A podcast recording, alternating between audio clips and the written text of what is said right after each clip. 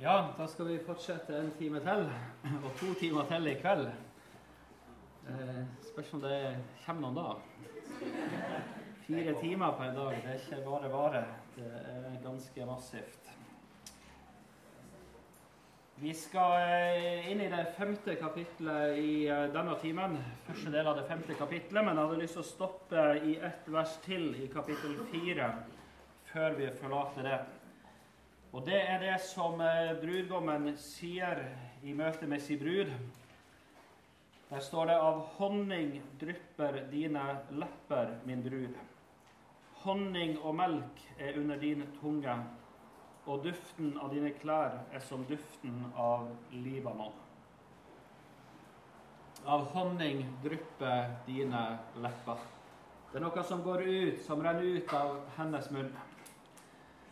Nå er det også det med altså, honning. Det er noe som løftes fram mange plasser i Det gamle testamentet som noe av det flotteste en kunne få tak i.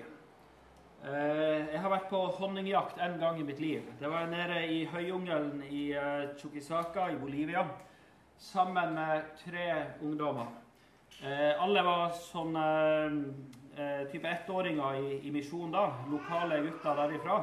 Jeg glemmer aldri den dagen. Inn i skogen, og etter hvert hvordan de finner fram til treet der hvor honningen sitter. Hvordan de løfter machetene sine og begynner å hogge løs for å åpne opp eh, treet. Og Før de slår det siste slaget, så er det fram med plastikkposene og så legger under, mens han andre løfter macheten, og så slår han. Og så er det å samle alt av honning som var mulig å få tak i. Og Når posene er fylt, så slikker de treet rent. Og Så går vi hjem igjen, og så skulle det være et møte i Asteliero på kvelden. Og så er det at en av disse ungdommene reiser seg når det blir vitnemøter. Det var han mest stillferdig stillferdige av de. Antonio Cruz heter han. Han sa sjelden noe, men han eh, betydde allikevel utrolig mye i heimbygda si. Så reiser han seg. Samme kvelden så leser han bare ett bibelvers, og så setter han seg igjen. Da leser han ifra Salme 19, vers 11. Dette er en salme som handler om Guds ord, hva Guds ord eh, har til verdi. Og så står det sånn i vers 11.: De er mer dyrebare enn gull, fint gull i mengde. De er søtere enn honning, ja, honning som drypper. Og så gjorde det et enormt inntrykk å sitte og høre vitnesbyrdet om at det er noe som er mye, mye større enn den aller flotteste honningen. Jeg hadde sett hva honningen betydde for dem. Hvordan de skulle ha med seg absolutt alt som var å få tak i. Og så reiser han seg og så sier han at det finnes noen ord som er bedre enn honning som drypper. Det er Guds ord. Og Så møter du også andre plasser i Bibelen der honningen og Guds ord settes i sammen. Bli med inn i uh, først i Skal vi se uh, um, Ja, femte Mosebok er det vel, 32. Der møter du et annet bilde. På nytt så taler Gud om hva han har gjort med sitt folk, for sitt folk. Um, og så står det sånn i vers 10, 5. Mosebok 32, 10 og utover. Han fant ham i et øde land i villmarken blant, hy, blant hyl fra villdyr i ørkenen. Forrige time var vi innom i Esekiel 16, der Gud også satte ord på hva han hadde gjort imot sitt, sitt folk. Dette barnet som lå der forkasta uten at noen hadde omsorg eller medynk med det. Og så står det videre om Gud. Han vernet om ham. Han våket over ham. Han voktet ham som sin øyensted. Som ørnen vekker sitt rede og svever over sine unger, slik bredte han ut sine vinger. Han tok ham opp og bar han på sine slagfjær. Det var Herren alene som førte han, og ingen fremmed Gud var med ham. Han lot ham fare fram over jordens høyde. Han åt markens grøde. Og så står det 'Han lot ham suge honning av klippen', står det. Det sier Gud om sitt folk. Han lot ham suge honning av klippen. Og Det er egentlig et sånn uh, merkelig uttrykk, for den som skal på jakt etter honning, han finner aldri honning i fjellet. Det er jo aldri sånn at det er honning å finne i, i fjellet. Skal du finne honning, så må du til, til skogs.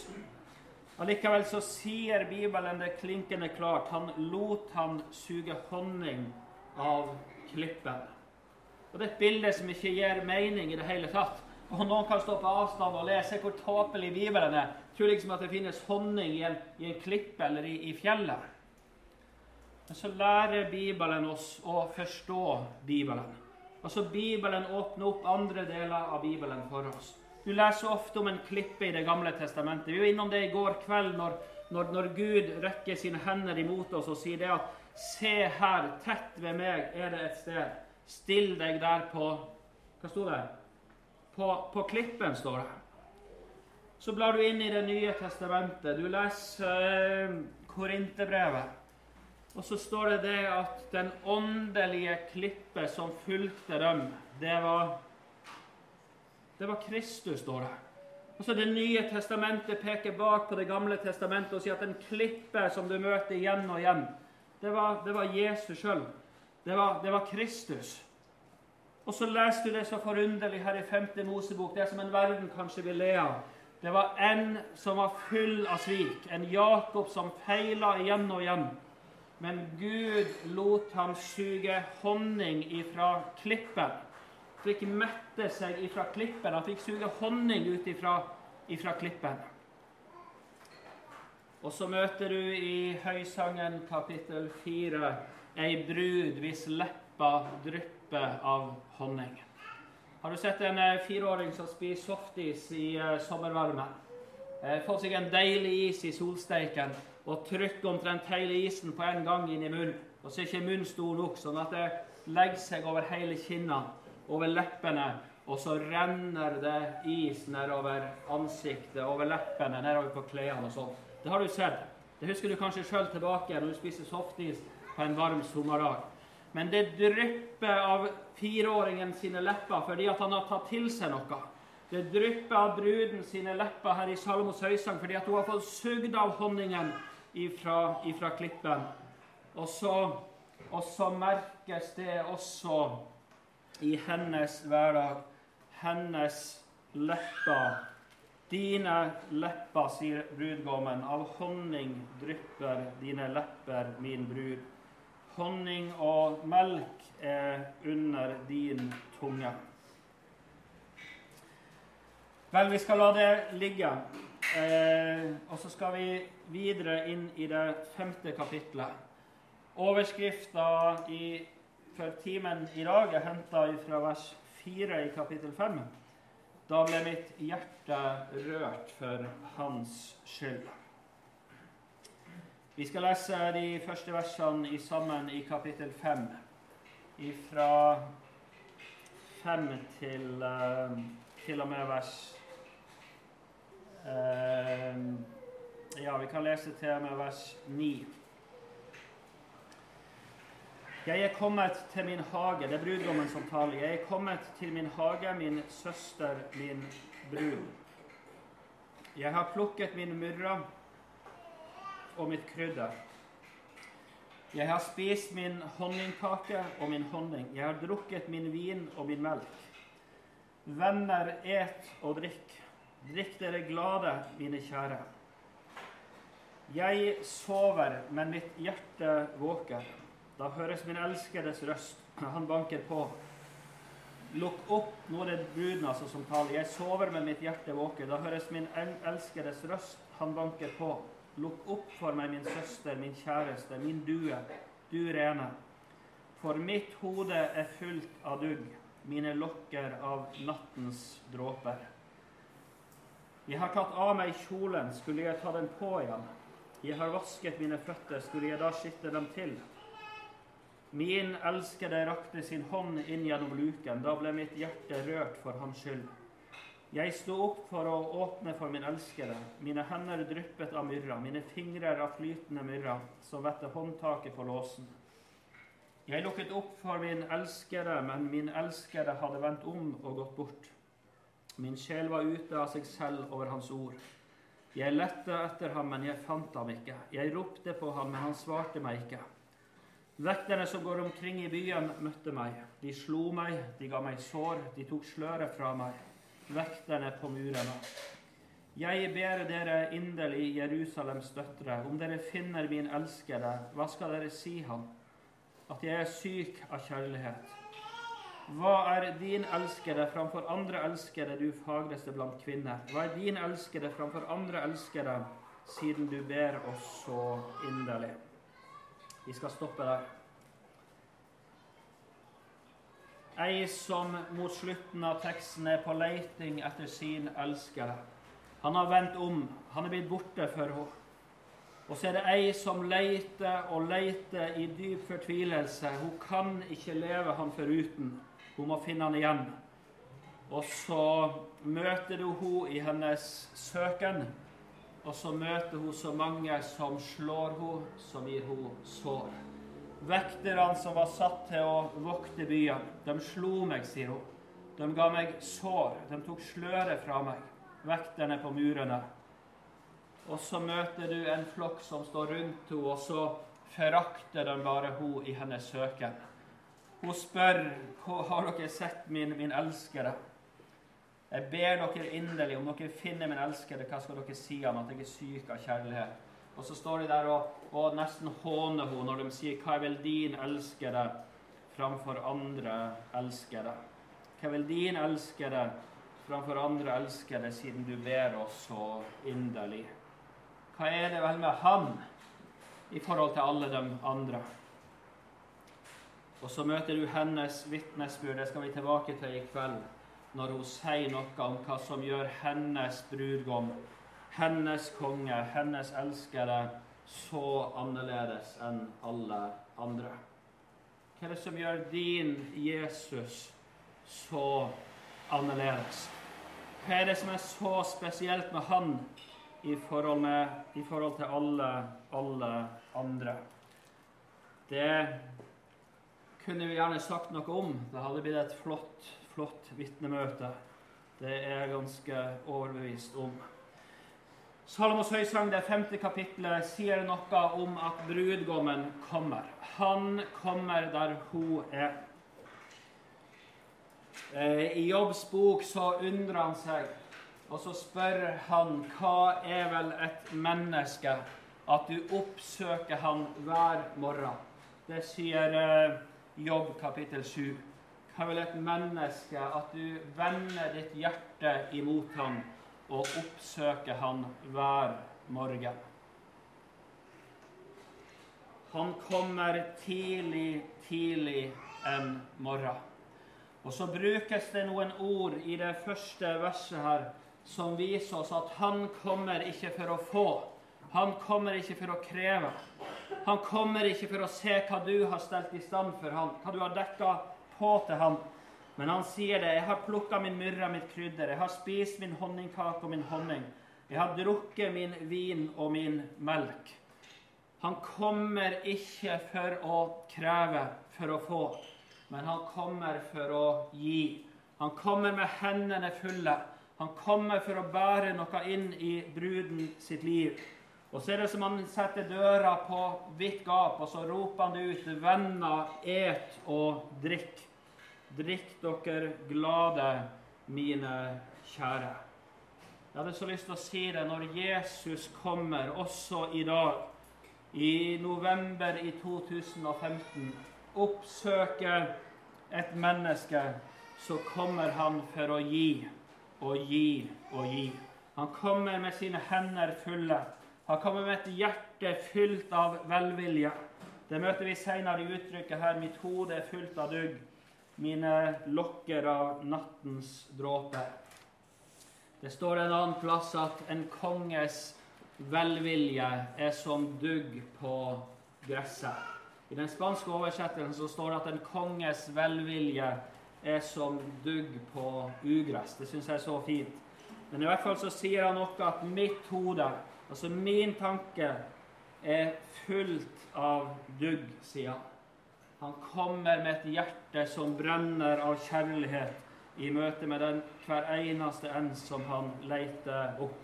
Han kommer for å gi. Jesus kommer for å gi. Vi lukker døra så ofte for han fordi vi tror han kommer for å kreve. Og så har det ikke vi klart å få det til slik som vi hadde tenkt, og så, og så blir han stående kanskje på utsida også i våre liv, slik som det står om i dette første avsnittet i kapittel 5. Venner, sier han. Et og drikk. Det sier salmisten, salme 23. Han er en Gud som dekker bord for meg, like foran mine fienders øyne. Sånn er Gud. Og så sier han 'et og drikk'. Et og drikk. Og så sier han 'drikk dere glade'. Drikk dere glade. Det er ikke ei brennevinsflaske som løftes opp og rekkes imot deg. Men da er det ord som taler, som du skal få lov å suge til deg.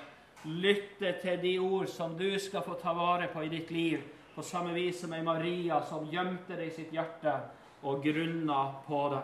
Drikk dere glad, sier han. Drikk dere glad. Og igjen, det pekes ikke på brennevin og de sterke saker. Vi hadde en eh, fantastisk kar nordpå som, eh, eh, som bodde lenge, ikke veldig langt ifra meg. Han var en kristen, en frimodig kristen. Han spilte fotball. Han satt i garderoben eh, hjemme hvert, etter nesten hver kamp og hørte disse lagkameratene som snakka om at nå skulle de ut og feste, og nå skulle de drikke. Og så spør de han en dag skal ikke du være med. Nei, sier han. Eh, jeg må ha noen sterkere saker, sier han. Og så ser de på han og lurer på hva i all verden er det han mener.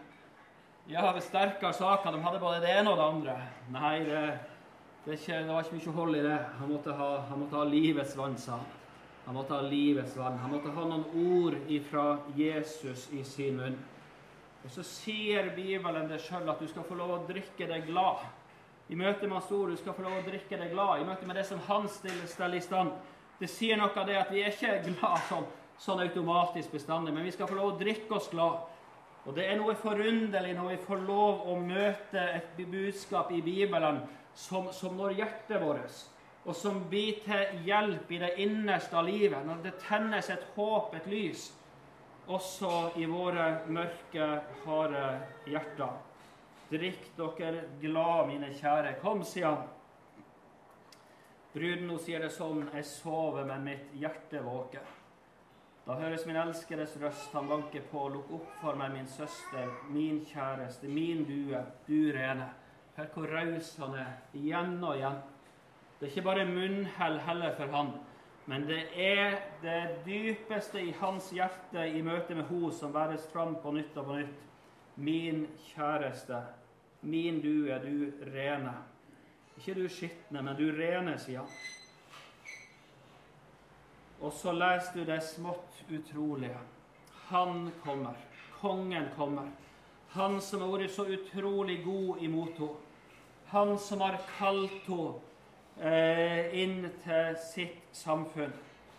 Han som har vært så overmåte god imot henne.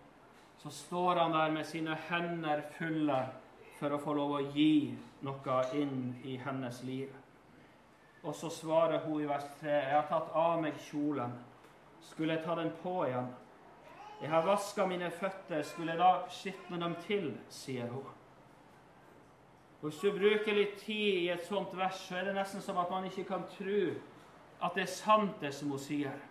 Så simpelt. Der står Han som har kommet og vil gi og gi og gi som vil bære noe inn i hennes liv som skal, som skal gjøre henne glad. Og så sier hun det. 'Nei, jeg har, jeg har tatt av meg kjolen. Skulle jeg ta den på?' Ja, var nå det så vanskelig, da? Jeg har, jeg har vaska mine føtter. Skulle jeg da skitne dem til? sier hun. I Midtøsten det, det siste de gjør om kveldene, som de gjør i mange andre kulturer, det er å feie gulvet, det er å koste gulvet. Eh, senga sto kanskje tre meter toppen ifra døra, der han sto og banka. Jeg har vaska mine føtter, skulle, skulle da skitne dem til? Gå de små stegene over gulvet for å åpne døra. Du møter bruden i all hennes simpelhet, i all hennes likegyldighet. Når hun møter sin brudgom og sier det jeg har, jeg har tatt, på, jeg har tatt av meg kjolen, skulle jeg ta den på igjen? Jeg har vaska mine føtter, skulle jeg da skitne dem til? Ja, var det så mye? var det så mye. Og så kan jeg gjerne ville stå litt på avstand og le av denne bruda, som er så hard i møte med Han. Men jeg møter meg sjøl i en sånn tekst. Jeg møter min egen likegyldighet i en sånn tekst. Jeg møter min egen simpelhet. Jeg møter mitt eget likegyldige hjerte og mine utrolig mange dårlige unnskyldninger. Det er en Gud som vil ha samfunn med oss, med deg, med meg, hver eneste dag. Er ånd som peker mot Bibelen i, i, i heimen, som vil åpne den for meg. Og så kommer jeg med mine, mine unnskyldninger. Jeg har vært på fjellet i Troms i mange år, og jeg har, eh, jeg har ofte brukt et bilde. Dere får meg unnskyldt, dere som har hørt det før. Det, det får så være. Men eh, vi har ofte turer til Sør-Amerika. der oppe. De er to måneder i Sør-Amerika. Det er ofte noen eh, som har kjæreste før de reiser ut, og lurer på hvordan i all verden skal det gå å være borte fra kjæresten sin i to måneder. Hvordan i all verden skal det gå? Eh, vel, de, eh, de, de, de, reiser i hvert fall. Tenk deg så at en kjæreste etter en måneds tid så har han fått ordna seg fri fra arbeidet. Han har fått kjøpt seg en flybillett ut til Sør-Amerika. Han har fått tak i hvilket hotell man bor på. Han vet etter hvert hvilket rom kjæresten bor på.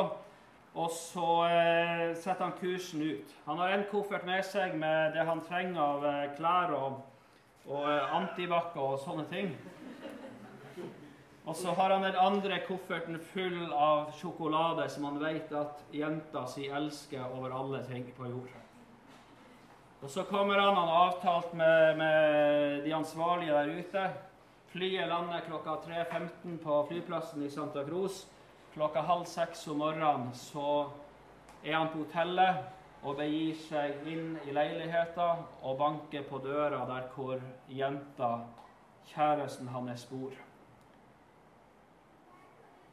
Der ligger hun og sover. Hun har tatt seg av sine, sine klær. Hun har dusja før hun la seg. Og så banker han på. Vi leste det her i det femte kapittelet, i vers eh, to. Jeg sover, men mitt hjerte våker. Da høres min elskedes røst.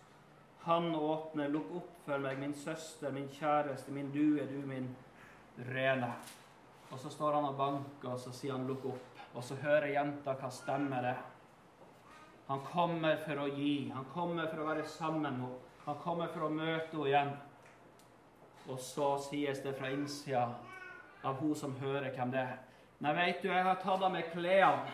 Jeg kan ikke ta dem på meg igjen. Jeg dusja før jeg la meg i går. Jeg kan ikke skitne til føttene mine igjen.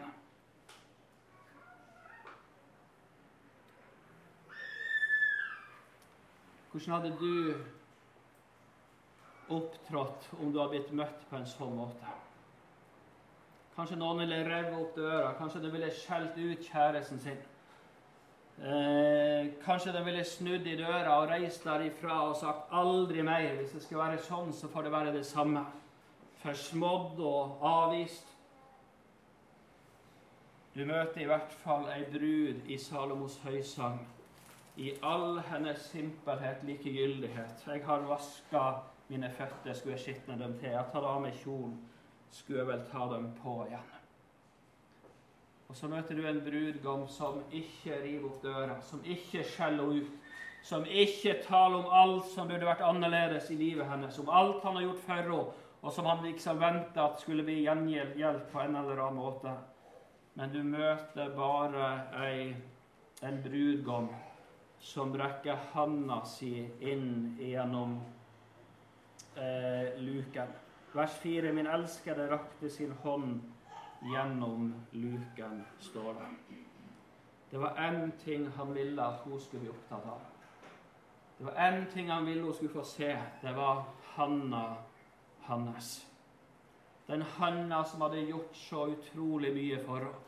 Den Hanna som så ofte var lagt under hennes hode. Den andre Hanna som favna henne, som hun sa i kapittel 2 og vers 6. Og det samme i 8 vers 3. Hans venstre hånd er under mitt hode, og hans høyre hånd favner meg. Han ville så gjerne at hun skulle få se og bli opptatt av hans hånd. Vi leste fra Jesaja kapittel 18 i går. Vi skal åpne det på nytt igjen. Jesaja kapittel 18.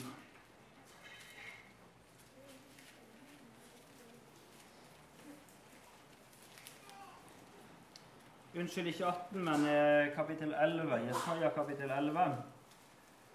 Og så det ellevte verset. Det tales om den tida når Messias, når Jesus, skal komme. Og så står det i vers 11.: På den tid skal Herren enda en gang rekke ut sin hånd for å vinne tilbake resten av sitt folk, står det. Da skal Herren enda en gang rekke ut si han, for å vinne tilbake resten av sitt folk. Bruden hun sier det når hun får se hans hånd.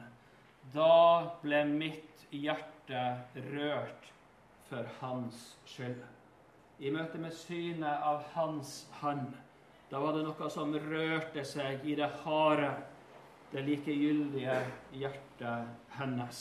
Da ble hjertet mitt rørt for hans skyld. Og så har jeg lyst til å si deg det er ingen som har ei sånn hånd som Jesus har. Det er ingen som har ei sånn hånd som han har. I den hånda der er ditt navn tegna, lærer Bibelen oss. Der står navnet ditt rissa inn. Der står hans I hans hand der står ditt navn, mitt navn, tegna. Hans hender de bærer merker av sår, av nagler ifra Golgata. Når han løfta sine hender i møte med disiplene etter oppstandelsen og velsigna dem og forkynte fred inn i deres liv, da sto disiplene og så inn i noen hender som var full av sår, og som vitna om det som hadde skjedd på Golgata kors. Er sanger som har skrevet om, om møtet med Jesu hånd, og han sier det sånn Jeg stender og ser på ei nagla hand. Min frelser, det var for meg. Og derfor ikke jeg anna kan enn tilbe og elske deg. Jesus ville at du skulle få se hans hånd og bli minnet om det som han har gjort for å frelse deg, for å berge deg, for å kjøpe deg fri, for å adoptere deg, sånn som det sto i den spanske oversettelsen i Galaterbrevet kapittel 6. Han ville at du skulle få se det. Og jeg er overbevist om at når budskapet om Jesu lidelse og død forkynnes inn i et menneskes liv, da røres det noe også i det aller dypeste av hjertet. Jeg tror det. Jeg satt i møte med en eh, nordafrikaner på spansk jord. Han bodde i Spania. Eh, i en av innlandsbyene der. Han sitter og forteller om sitt første møte med Bibelen. Det var en eh, nabo som hadde hjulpet ham med noe praktisk, og som hadde lagt en bibel i hans hender for at han skulle få lese. Og så sier han noe om første gang han åpner sin bibel og leser om Jesus. Vi tenker det at det muslimske folk det er så hardt. Det er ingenting som når inn i de harde hjertene. Han sier det. I tre dager så satt jeg klistra i stolen. Og så rant tårene nedover kinnet mitt i tre dager mens jeg leste om Jesus for første gang i mitt liv. Han som hadde lært Jesus å kjenne på avstand så fjern, som en stor profet. Han fikk sitte med en åpen bibel, lese Jesu livshistorie og følge han like inn i Getsemane hage, opp til Golgata kors, og møte det hjertet som brenner kjærlighet for sine fiender, de som har gjort han imot. Han sier jeg satt klistra i stolen i tre dager. Kona måtte hente han til matbordet, hun måtte sende han i dusjen, hun måtte få han i seng. Ellers så satt han der grepet noe voldsomt i sitt hjerte i møte med budskapet av Jesus. Et bilde som Bibelen tegner av han, som gjorde et voldsomt inntrykk. Og så sier han til meg det finnes ett ord, og da tenkte han på evangeliet. Det finnes ett ord som har makt til også å smelte våre hjerter, sier han. Da talte han om det islamske folk. Det finnes et ord som har makt til smelter smelte også våre hjerter.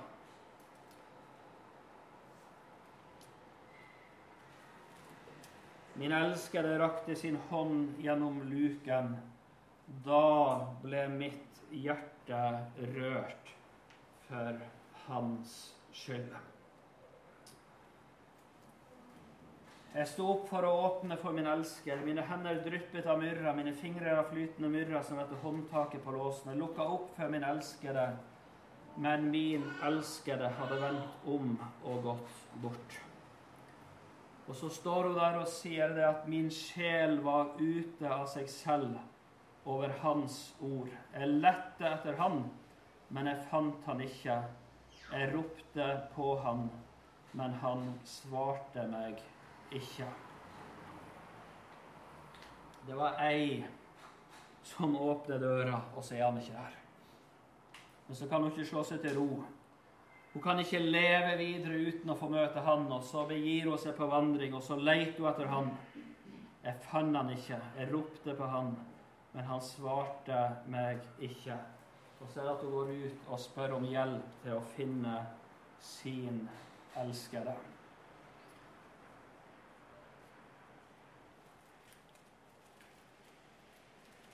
Vi skal tilbake til det i kveld. Da er temaet for timen den første 'Slik er min elskede'. Slik er min elskede.